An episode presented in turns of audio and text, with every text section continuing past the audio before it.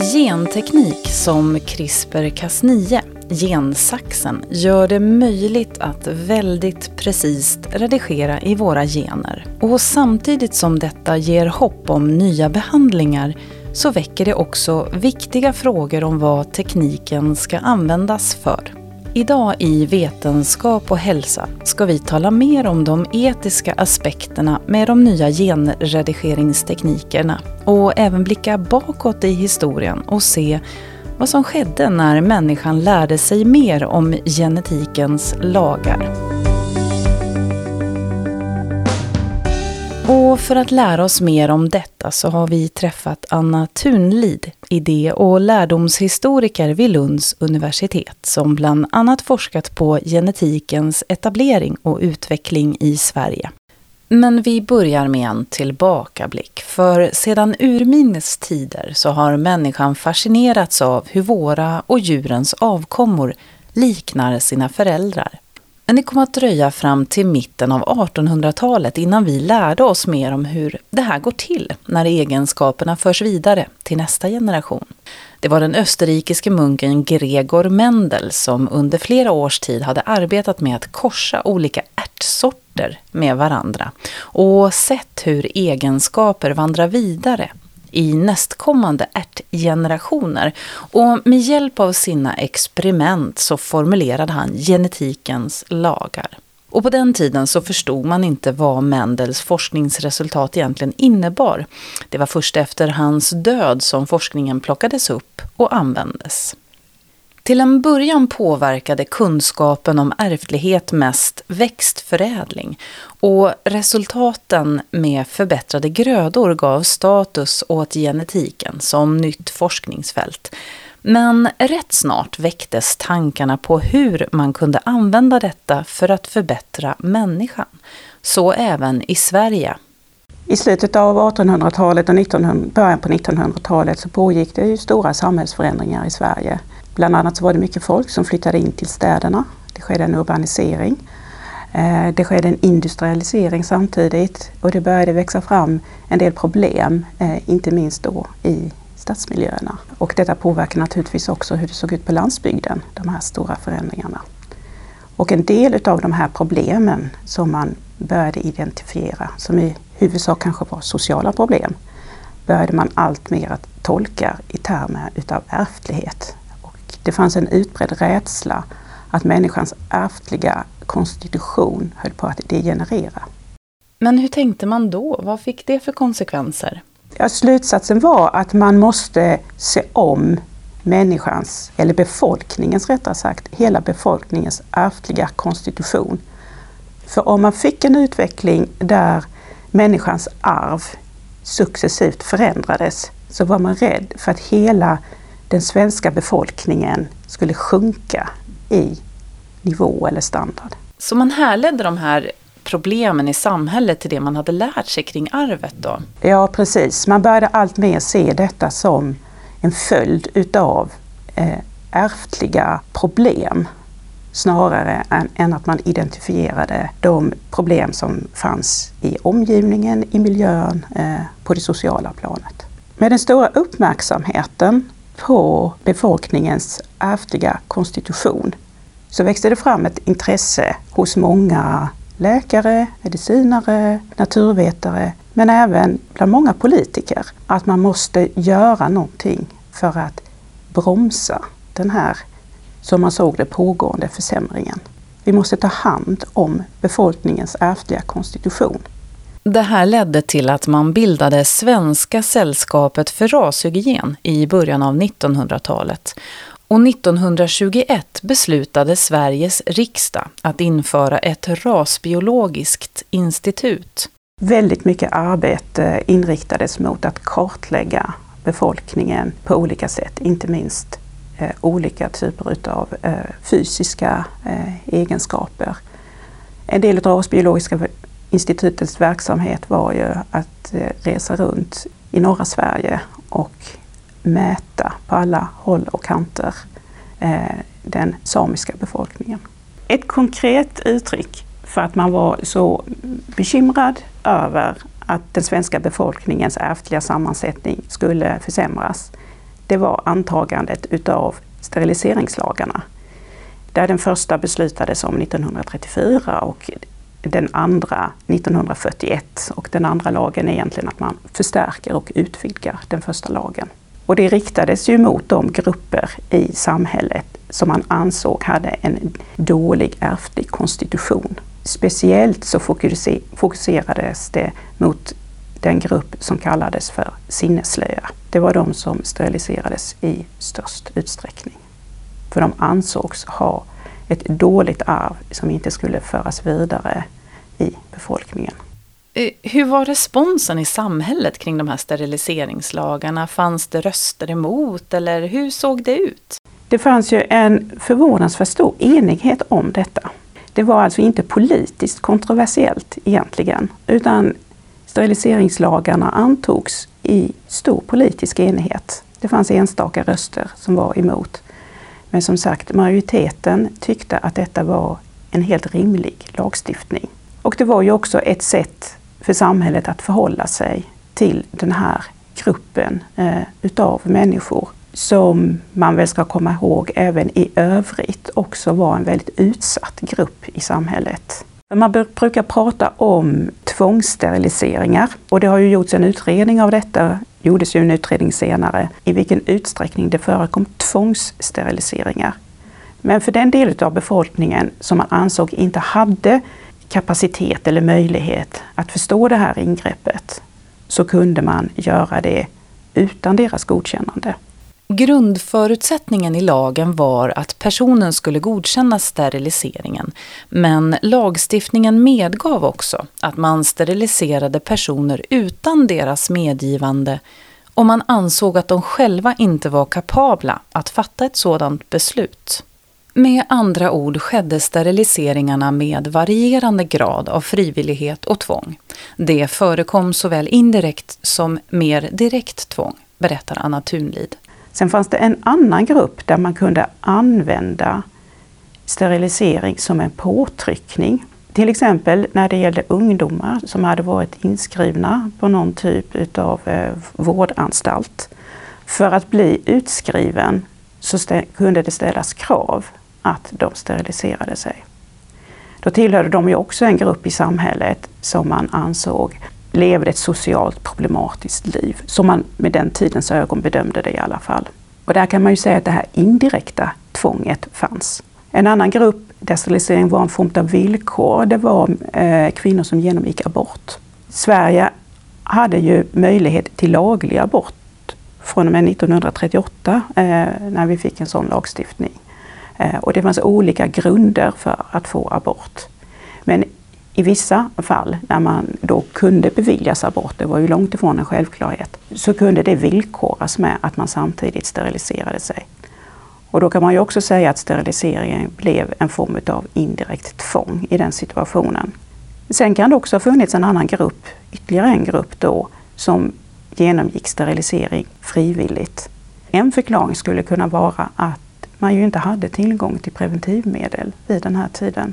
Och det var många kvinnor som hade otroligt många barn och som levde med graviditeter och förlossningar och små barn i princip hela sitt fruktsamma liv. Det är de som ibland kallas för de utsläpade mödrarna. Men Anna, vad är viktigt att vi lär oss då från det som hände då? När man tittar tillbaka, alltså det första jag skulle vilja säga är ju att en hel del som gjordes i namn av att man skulle förbättra den svenska befolkningen ärftlighetsmässigt. Det gjordes ju på oerhört svaga vetenskapliga grunder. Kunskapen idag är ju oändligt mycket bättre om allting som rör människans arv. Eh, det är ju den ena viktiga skillnaden att lyfta fram. Och den andra viktiga skillnaden är ju att det som skedde i början på 1900-talet och sträckte sig en bit in Eh, på 1900-talet ska man ju komma ihåg. Steriliseringslagarna avskaffades ju inte förrän 1975. Men grunden för dem, den lagstiftningen var ju att man ansåg att det fanns ett behov att förbättra hela befolkningen. Det var ju inte inriktat på individen så mycket som det var inriktat på att den svenska befolkningen skulle förbättras. Sen försköts ju fokus lite grann under efterkrigstiden till att lagen tillämpades mer på individuell basis. När man tillämpar sådana här kunskaper så är det vissa grupper som kan drabbas extra hårt utav detta. Konsekvenserna för vissa grupper kan bli väldigt stora. I det historiska fallet så fick det ju väldigt stora konsekvenser för de utsatta grupperna, till exempel de, eller i första hand kanske de sinneslöa. Så det är viktigt att tänka igenom hur man använder och tillämpar kunskap och vad det får för konsekvenser för enskilda individer och vilka sociala konsekvenser det kan få i samhället. Det man eh, ska se upp med, tänker jag, är ju till exempel hur en viss typ utav metod eller behandling riskerar att förstärka skillnader som redan finns i samhället. Vi har tidigare i Vetenskap och hälsa intervjuat forskare om hur genteknik kan leda till nya behandlingar vid olika sjukdomar. Här kan du lyssna till avsnitten Genvägar till bättre hälsa eller till Virala vektorer i människans tjänst. Men ny teknik väcker ofta etiska frågor. En sådan uppstår om ny teknik påverkar specifika grupper i samhället. Anna Thunlid nämner ett exempel på detta som ligger ganska nära i tid, nämligen introduktionen av fosterdiagnostiken som från början riktades mycket mot olika kromosomförändringar. En sån väldigt vanlig kromosomförändring är ju Downs syndrom. Så införandet av fosterdiagnostiken gjorde det möjligt att redan på fosterstadiet diagnostisera Eh, foster som hade den här kromosomavvikelsen. Och då kunde man erbjuda kvinnor abort. Och det var ju väldigt många utav de som genomgick fosterdiagnostik som, där man hittade sådana här kromosomfel hos fostret som gjorde abort. Anna Thunlid berättar att funktionshinderrörelsen reagerade starkt emot det här sättet att identifiera och aktivt välja bort barn med Downs syndrom eller andra typer av funktionsnedsättningar. De kände sig väldigt utpekad att eh, den typen utav funktioner som de eller deras närstående hade var någonting som var oönskat i samhället. Och där finns det ju en värdemässig komponent. Eh, de pratade, eller förde väldigt ofta fram eh, vikten av alla människors lika värde.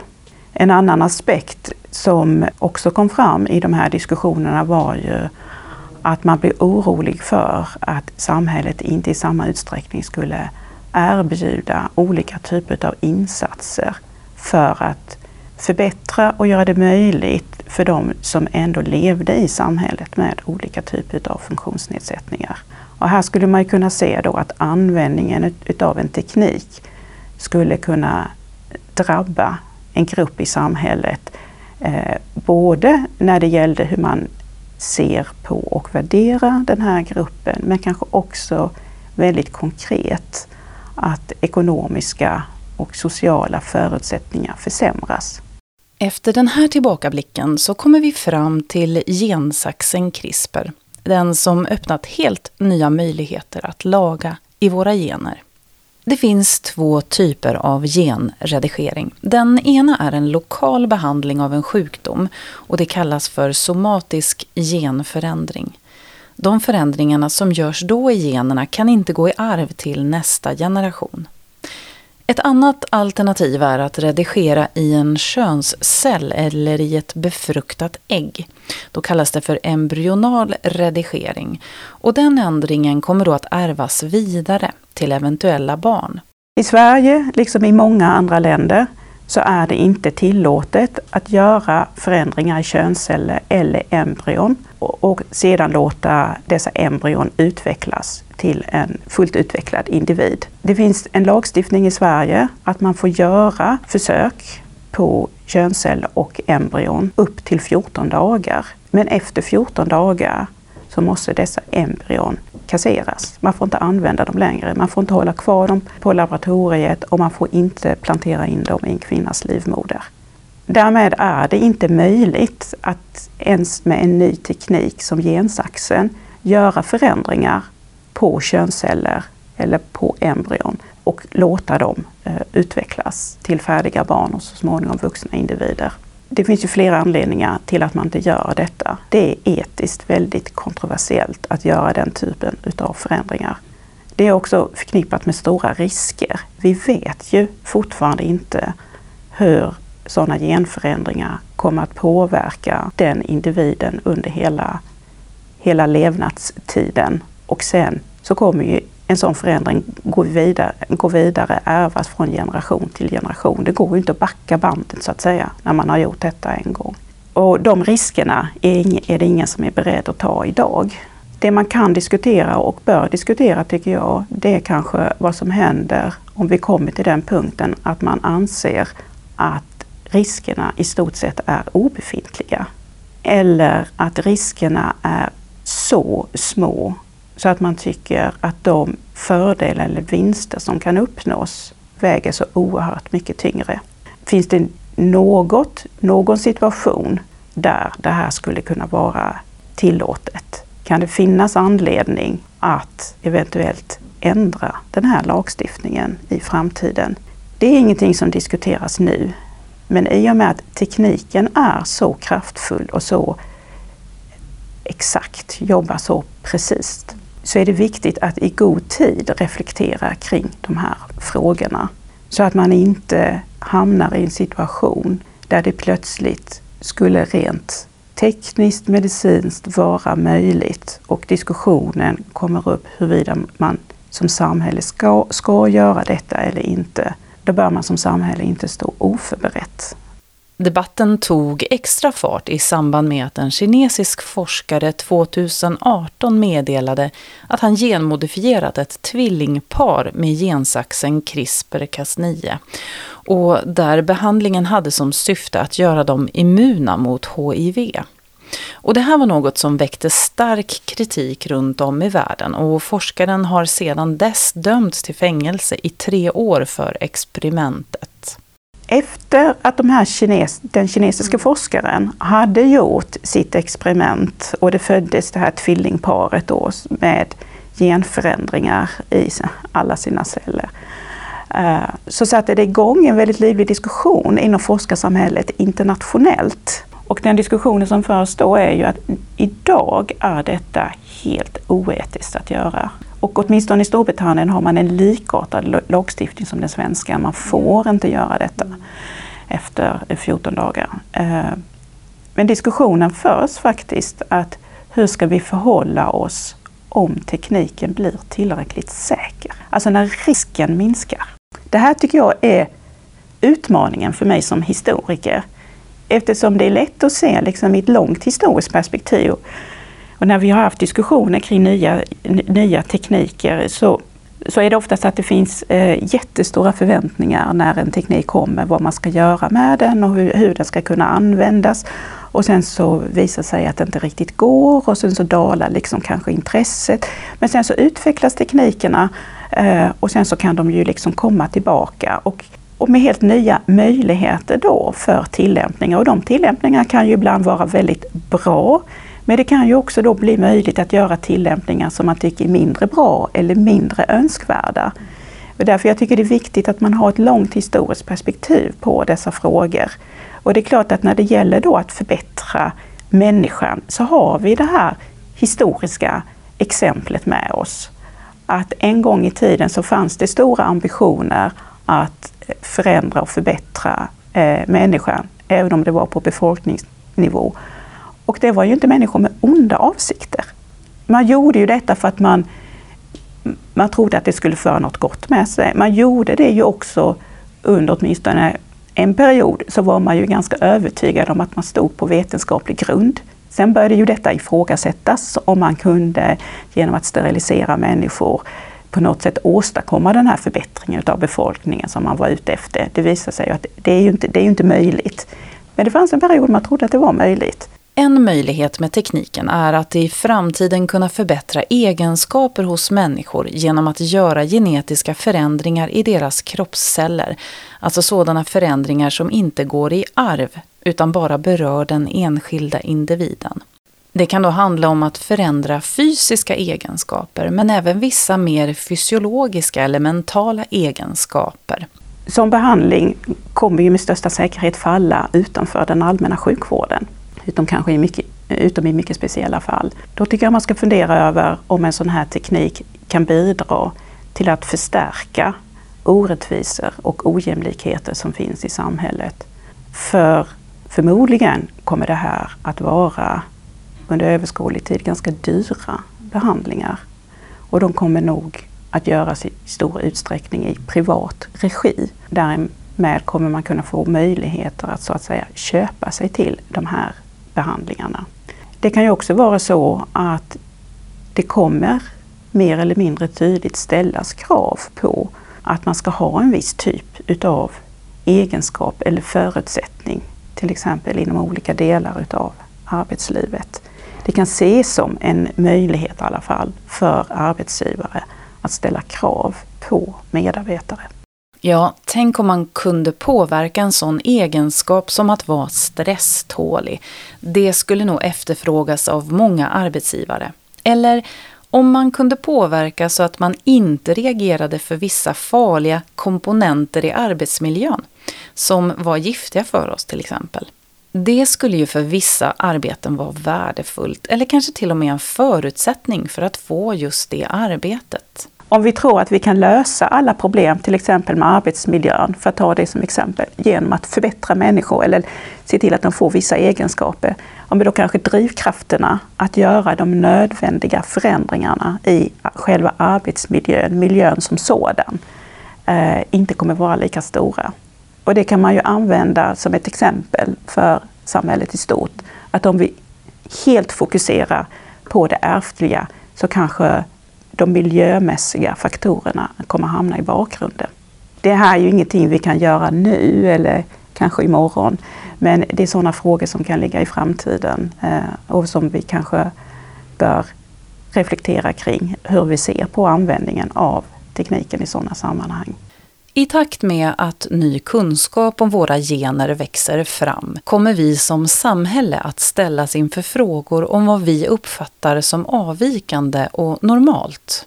Ja, när det gäller eh, att förändra och förbättra kroppsceller eller somatisk genredigering eh, så rör ju detta vuxna individer. Eh, och eh, det kan ju vara väldigt svårt att ha någon form av lagstiftning som reglerar vad du som vuxen Eh, individ med ett, under förutsättning att du har fått eh, information om vad ett ingrepp innebär så har du ju en ganska långtgående rättighet att göra sådana förändringar som bara handlar om dig själv. Och eh, vi vet ju redan idag att det finns människor som med helt andra metoder är villiga att utsätta sig för olika behandlingar och kanske även då med vissa risker för att till exempel förbättra sitt utseende eh, på olika sätt. Och eh, det är klart att det ibland kan finnas nytta med den här typen utav eh, förändringar. Om man tar plastikoperationer till exempel så kan det ju, det kan ju vara rena skönhetsbehandlingar. Eh, men det kan ju till exempel också användas på personer som har fått väldigt svåra skador, trafikolyckor och liknande. Så där kan man ju säga att plastikkirurgi har både en oerhörd nytta för vissa grupper och på ett annat sätt kanske skulle kunna driva utvecklingen mot att vi, våra ideal om hur man, hur man ska se ut eh, kommer förändras och kanske framförallt då om det blir att många gör förändringar i samma riktningar så kan ju det som man kallar för normaliteten eh, minska. Eh, vi accepterar inte vilken typ utav kroppsligt utseende eller olika mänskliga förmågor eh, som helst utan att normaliteten krymper så att det blir bara ett färre eller en mindre variation som, eh, som anses socialt acceptabelt. Den ekonomiska biten med tekniken är ytterligare en utmaning när man ser på utvecklingen ur ett globalt perspektiv. Det finns risk att tekniken kan bidra till att skapa ett mindre jämlikt samhälle och förstärka ekonomiska skillnader och orättvisor. Särskilt om behandlingar bara blir tillgängliga för vissa grupper. En viss typ av vård och behandling kanske bara blir tillgänglig för de som kan betala för det. En annan aspekt som vi inte har lyft är ju den här risken för medicinsk turism. Som man har sett när andra tekniker har kommit. att det vi inte får göra i Sverige, det man inte får göra eh, på grund av den lagstiftning vi har.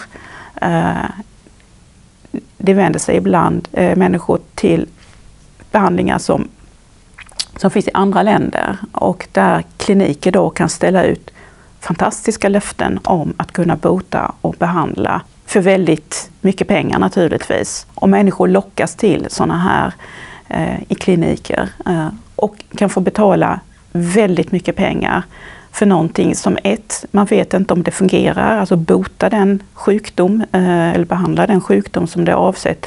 Och två, det kan ju innebära väldigt stora medicinska risker. År 2020 tilldelades Emmanuel Charpentier och Jennifer Doudna Nobelpriset i kemi för deras upptäckt av gensaxen CRISPR-Cas9. Kan det medföra att man ser det lite grann som fritt fram för tekniken? Nej, jag tror inte det. Jag tror faktiskt inte det. Eh, de här diskussionerna har ju kommit igång och förts under de senaste två, tre åren i alla fall. I lite vidare sammanhang. Och jag tror att de kommer fortsätta helt ob faktiskt oberoende utav eh, av Nobelpriset. En effekt utav Nobelpriset skulle kunna vara att forskningen inom det här området får ännu mer resurser. Det hade den kanske fått ändå oavsett eftersom det finns så många olika tillämpningar just när det gäller att eh, diagnostisera, bota och behandla sjukdomar så kommer ju detta vara ett otroligt stort och forskningsintensivt fält framöver.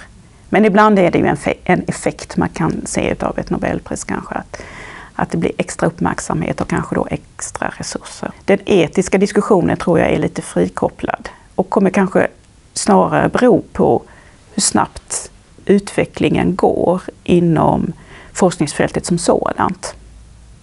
Vad man kommer kunna göra helt enkelt. Det finns ett i princip enigt forskarsamhälle eh, idag som, som säger att förändringar på könsceller eh, ska vi inte göra. Det är djupt oetiskt. Eh, och liksom, gränsen är dragen. Att det, det gör vi helt enkelt inte.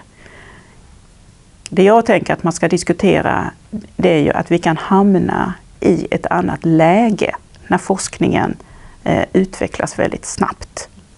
Det är viktigt att samhället får tid att reflektera kring vilka tillämpningar som vi vill ha och vilka tillämpningar som är oönskade i det här fallet. Vetenskap och hälsa är slut för den här gången och vi säger tack till Anna Thunlid, forskare i idé och lärdomshistoria vid Lunds universitet. På vår hemsida vetenskaphalsa.se kan du läsa mer om genteknik och om gensaxen CRISPR. Och där kan du också läsa mer om forskning som rör vår hälsa. Jag heter Tove Smeds. Tack för att du har lyssnat.